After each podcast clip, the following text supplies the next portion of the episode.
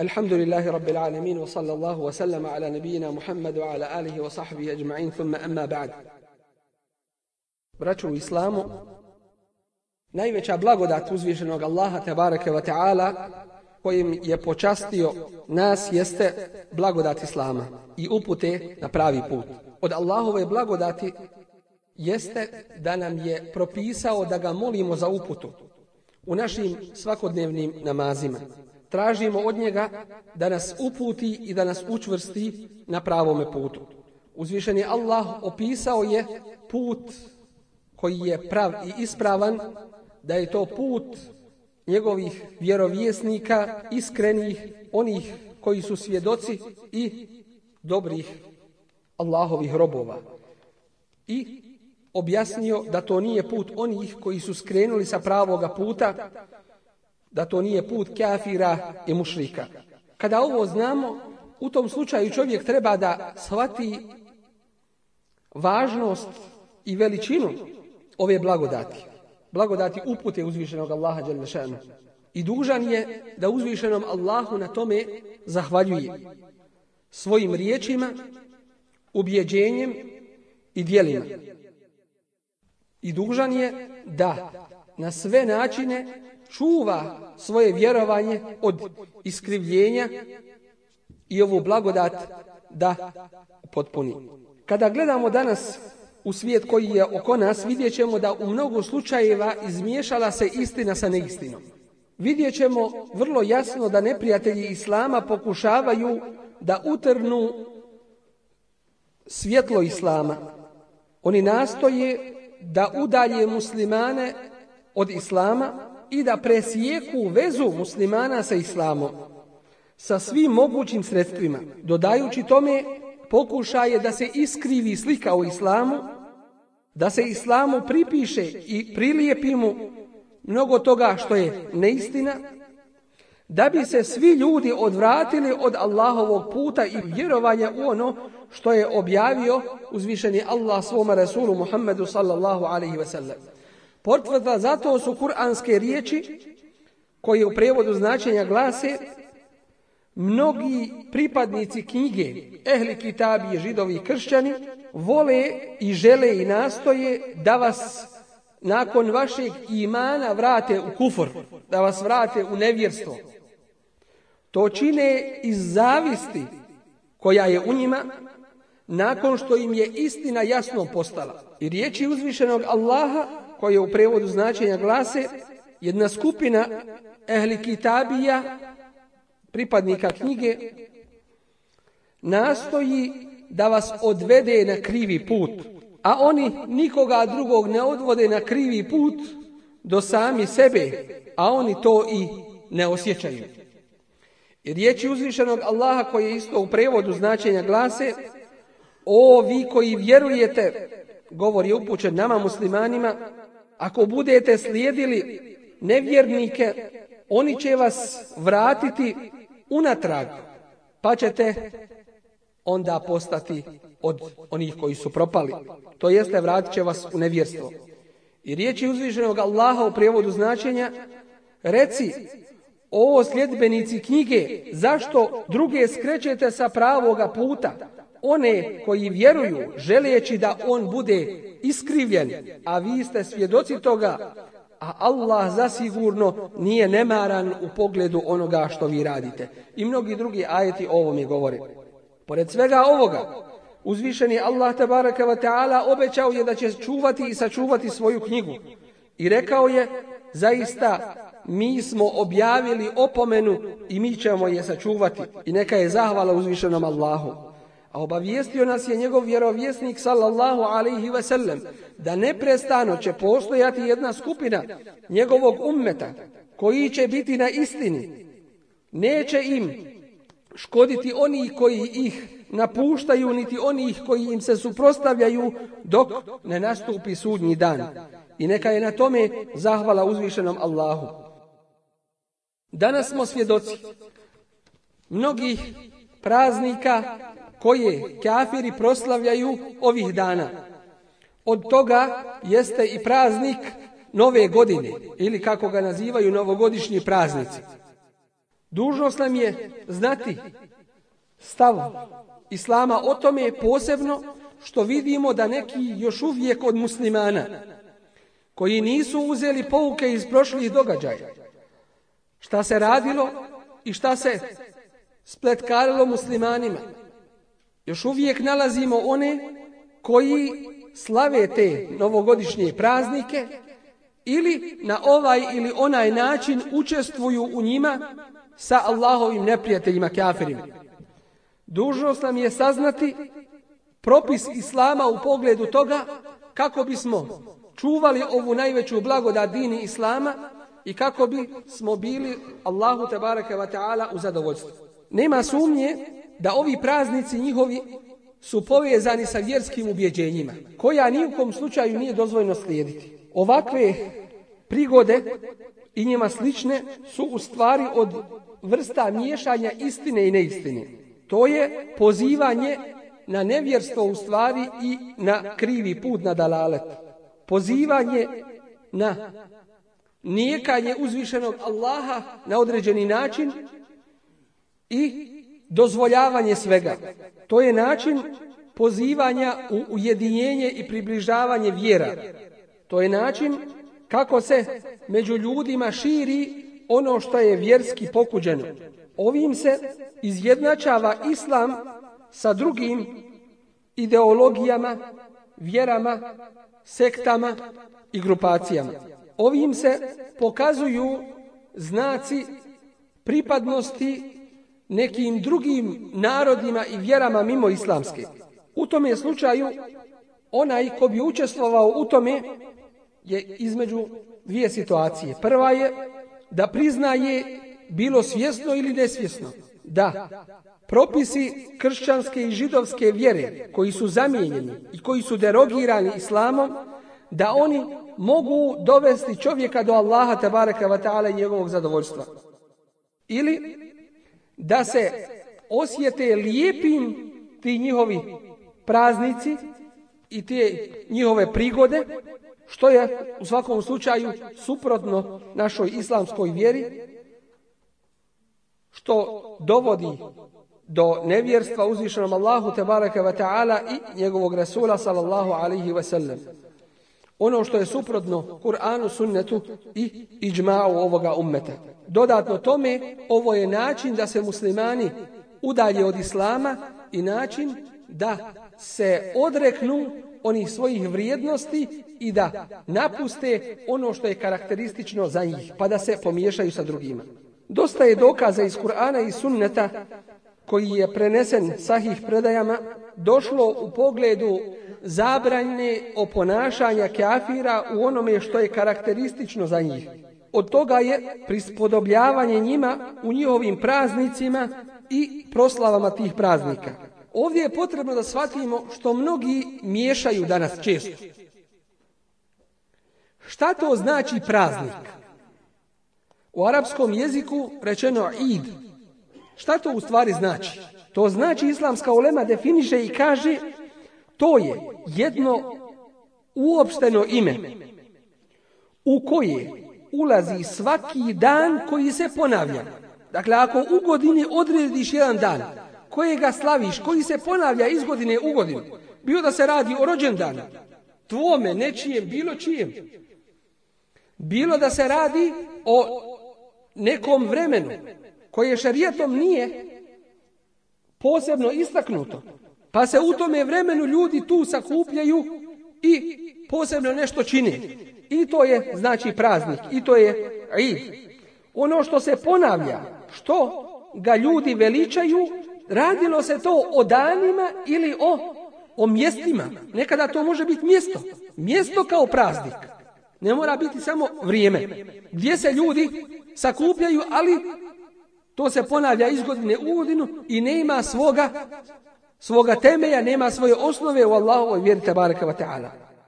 Sve dakle što se novo uvodi od mjesta i vremena da se veliča, to je u stvari id i to je u stvari praznik.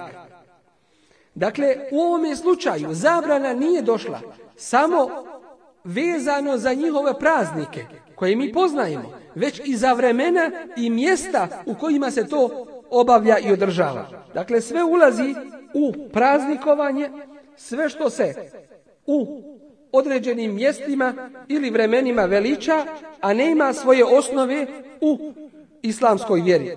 Ono što se uvodi od običaja, od radnji, i to ulazi u praznikovanje vremena, mjesta, radnje i poslovi koji se radi u tome vremenu.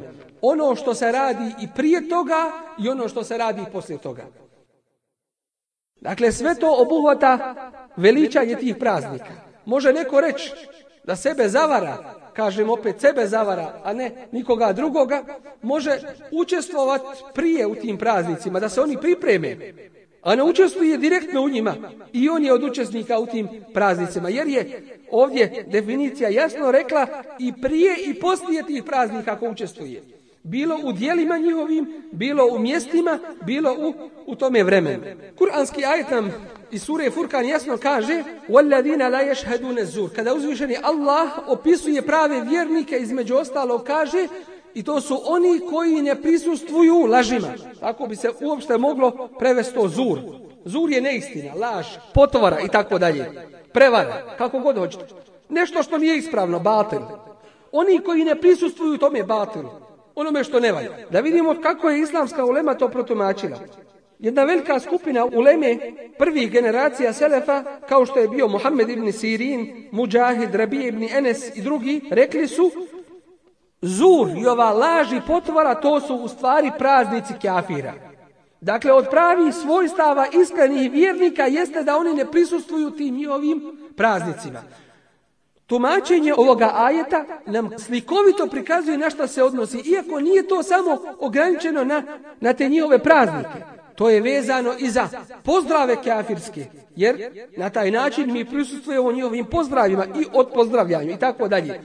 Sve ono što nosi u sebi batil, neistinu, neispravno, to je zur. Ovdje ga je ulema ova protumačila da je to između ostalog i učestvovanje u tim njihovim praznicima. Potvrđeno je i sahi predajama navedeno od Enes ibn Malika, sahaba Božijeg poslanika, ali i sad sam da je rekao, došao je Božji poslanik, ali i sad sam u Medinu i našao narod da dva dana u godini proslavlja.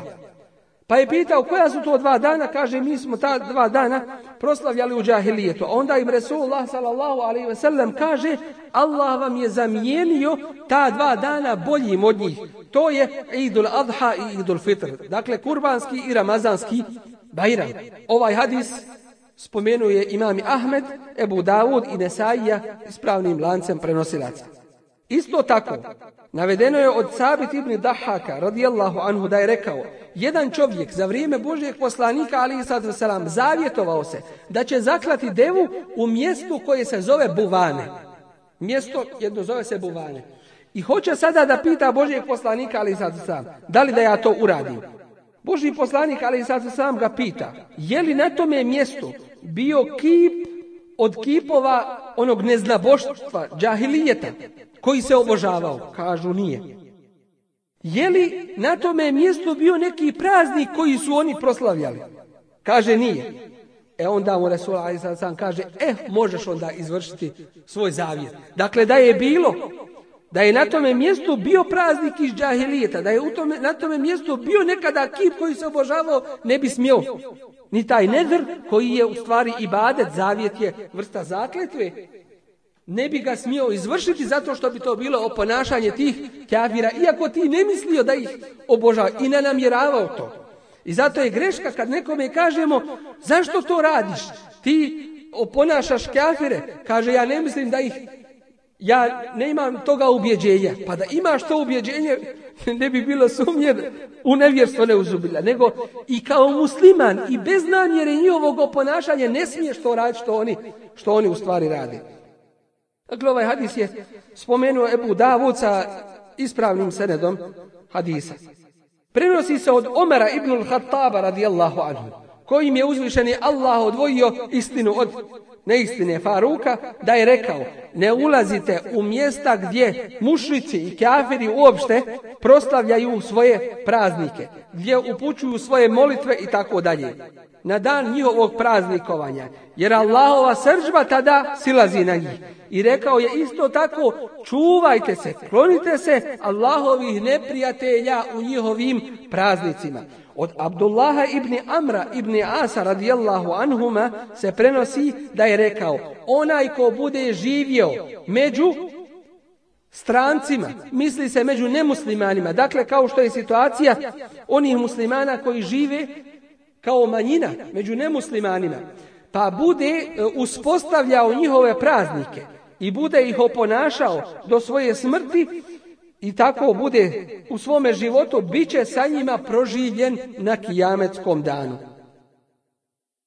Može se ovdje čovjek zapitati zašto se, koje su mudrosti, zašto se zabranjuje ovako strogo da čovjek učestvuje u bilo čemu u tim njihovim praznicima. Ukratko se može zaključiti da njihovo, da naše oponašanje njih u njihovim praznicima povećava njihovu radost, širi im prsa i postaju zadovoljniji na ono svoje prvo zadovoljstvo sa tim kufrom i batilom u komesu. Dakle, mi učestvujemo u tome njihovom što je neispravno. Dalje, oponašanje i prispodovljavanje u spoljašnjim stvarima. Za sobom nosi kao posljedicu prispodobljavanje i oponašanje u unutrašnjim stvarima akide, što znači kada im potvrdimo te njihove praznike u vanjštini našoj, to dolazi u naše srce i u našu akidu, pa u tome slučaju čovjek može vrlo lako vjeru svoju izgubiti. Od najvećih, od najvećih šteta koje budu prouzrokovane oponašanjem kafira u njihovim praznicima jeste upravo što oponašanje kafira nosi kao posljedicu ljubav prema njima, poštivanje i izražavanje prijateljstva i u unutrašnjosti, u srcu. A ljubav i prijateljevanje To je, sa takvima to je u suprotnosti sa imanom. Kao što kaže uzvišenje Allah u prijevodu značenja, kuranskog ajeta, ovi koji vjerujete ne uzimajte židove i kršćane za svoje prisnije prijatelje. Oni su jedni drugima prijatelji, a koji im se od vas okrene, on je od njih. A Allah zaista neće uputiti narod koji nepravdu čini. I kaže uzvišenje Allah u prijevodu značenja ajeta, Nećeš naći narod koji vjeruje Allaha i sudnji dan da izražavaju svoju naklonost i ljubav onima koji su uzeli za neprijatelje Allaha i njegovog Resula. Dakle, one koji se suprostavljuju Allahu i njegovom Resulu. Kada ovo imamo u vidu, donosi se zaključak da nije dozvojeno muslimanu koji vjeruje u Allaha kao svoga gospodara, islam kao svoju vjeru i Muhammeda sallallahu alaihi ve selleme kao Allahovog poslanika i vjerovjesnika. Da uspostavlja praznike i proslave praznika koje ne imaju osnove u islamu, a od toga je i praznik koji se zove Nova godina. Isto tako nije dozvoljeno da čovjek musliman prisustvuje tim proslavama, niti da učestvuje u njima, niti da potpomaže bilo koga, bilo čime u njima, jer je to grijeh i prelaženje Allahovih granica, a uzvišeni Allah kaže u prevodu značenja ajeta i nemojte se potpomagati na grijehu i neprijateljstvu i bojte se Allaha, zaista Allah žestoko kažnjava. Nije dozvojeno muslimanu da se potpomaže sa kafirima bilo na koji način potpomaganja u njihovim praznicima. A od toga je oglašavanje njihovih praznika i među ljudima širenje toga termina kada će on biti. Nije dozvoljeno pozivati bilo kakvim sredstvom na njihovu proslavu. Radilo se to preko sredstava informisanja ili preko oglasnih ploča ili u izlozima onoga što će ih privući da dođu i kupuju našu robu ili da se prave posebna odjeća ili nešto što će ih podsjećati na te praznike ili da se štampaju pozivnice ili sveske na kojima su nacrtane ili ubilježeni ti praznici ili uspostavljanje posebnih sniženja trgovačkih ili nagrada natjecanja povodom tih praznika. Niti je dozvojeno uspostavljanje sportskih aktivnosti ili bilo čega što bi bilo tim povodom. Nije dozvojeno isto tako muslimanu da smatra bilo na koji način da su ovi njihovi praznici i dani tih praznika da su odlikovani nad drugim danima. Tako nije u tim danima dozvoljeno da čovjek posebno ostavlja svoj posao ili da u tim danima se otvaraju određeni projekti, kao što ćemo vidjeti neke među predstavnicima muslimana da pokušavaju približiti se nevjernicima, da pokušavaju na taj način, otvarajući određene projekte i tako dalje, pokušavaju ih pridobiti. Nije dozvoljeno muslimanu da kafirima čestita njihove praznike, jer to je u stvari vrsta zadovoljstva onim u čemu su oni. I to je način kako ćemo ih obradovati. Kaže poznati islamski učenjak Ibnul Qajim, Allah mu se smilovao, što se tiče čestitanja različitim čestitkama koje su karakteristične za kafire. To je haram po slaganju cijelokupne uleme. Kao da im čovjek kaže za njihove praznike ili njihov post, neka vam je to sretno ili neka vam je beričetno i tako dalje. Ovo ko bude govorio, kaže ovaj poznat islamski učenjak Ibn Al-Qayyim, kaže ovo ko bude govorio, ako bude spašen od kufra, sigurno nije od harama. Dakle, obojat se za njega od kufra. A ono što sigurno čini to je jedan teški haram i ono za što trebate obe da učini. Nastavlja dalje ovaj islamski učenjak, to je u stvari kao da mu čestitamo kada ga vidimo da seždu čini kipu. Jer to je vrsta seđde, vrsta ibadeta i obožavanja.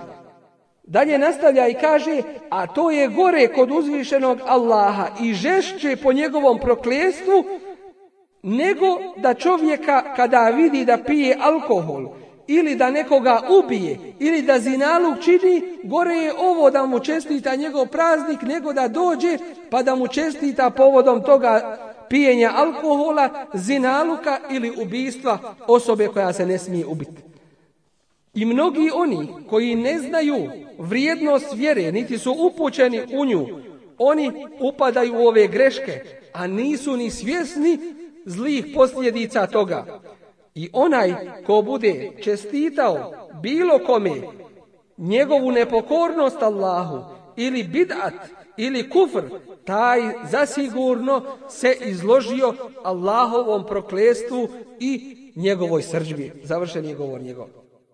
Čast muslimana jeste da se muslimani u stvari ponose svojom istorijom. Hijrom Božijeg poslanika Muhammeda sallallahu alaihi ve sellem, po kojoj se broje godine i naši hijdžetski datumi. Ono na čemu su se složili ashabi ali nikako ne znači da su oni uzeli taj dan da ga proslavljaju, nego su ga uzeli samo kao obilježnje kako da računaju našu muslimansku islamsku istoriju i vrijeme kako da računaju, a to nikako ne znači kao što danas neki rade, kažu muslimanska nova godina, da bi učinili nešto što i drugi rade, pa to uzimaju, proslavljaju i tako dalje. Dakle, dužnost nam je kao muslimanima da se brinemo o svojoj istoriji, a ne da istoriju drugih veličamo i spominjemo ono na čemu su muslimani kroz 14 stoljeća se upoznali i ono čega su se držali. Danas, nažalost, imamo i među muslimanima neki koji ne znaju koja je muslimanska godina pohiđi. To je, nažalost, jedna posljedica neznanja i posljedica miješanja sa nemuslimanima koja treba što prije da se ispravlja. Molimo uzvišenog Allaha tabaraka wa ta'ala. Danas, kao ummet, uputi pravim putem, da nas učvrsti i ojača, da nas učini da budemo mi ti koji ćemo Allahove propise širiti i ljude tome upoznavati koji ćemo biti od onih koji upućuju, koji ukazuju na pravi put, a ne od onih koji su zaslijepljeni drugima ne gledajući na Allahove propise srljaju svoju propast. Amin ja rahman rahmin. اللهم اعز الاسلام والمسلمين واذل الشرك والملحدين والكفره اجمعين اللهم انصر من نصر الدين واخذل من خذل المسلمين واعل كلمه الحق والدين يا رب العالمين اللهم انصر لنا ولا تنصر علينا اللهم إنك عفو تحب العفو فاعف عنا اللهم تقبل منا قيامنا وصيامنا وتقبل منا يا أرحم الراحمين اللهم اغفر لمذنبنا اللهم استر عيوبنا فرج همومنا واقض ديوننا يا حي يا قيوم برحمتك نستغيث أصلح لنا شأننا كله ولا تكلنا إلى أنفسنا طرفة عين ولا أقل من ذلك ولا إلى أحد من خلقك اللهم يا حي يا قيوم يا من يجيب المضطر إذا دعاه ويكشف السوء انصر إخواننا المجاهدين في فلسطين وفي كل مكان اللهم كن لهم عونا ونصيرا اللهم كن لهم ولا تكن عليهم اللهم افرغ عليهم صبرا وثبت أقدامهم وانصرهم على القوم الكافرين اللهم ردنا إلى الإسلام ردا جميلا اللهم أصلحنا وأصلح بنا وأصلح أهالينا وذرياتنا اللهم اصلح من وليت أمره برحمتك يا أرحم الراحمين وصلى الله وسلم على نبينا محمد وآله وصحبه وسلم وأقم الصلاة إن الصلاة تنهى عن الفحشاء والمنكر ولذكر الله أكبر والله يعلم ما تصنعون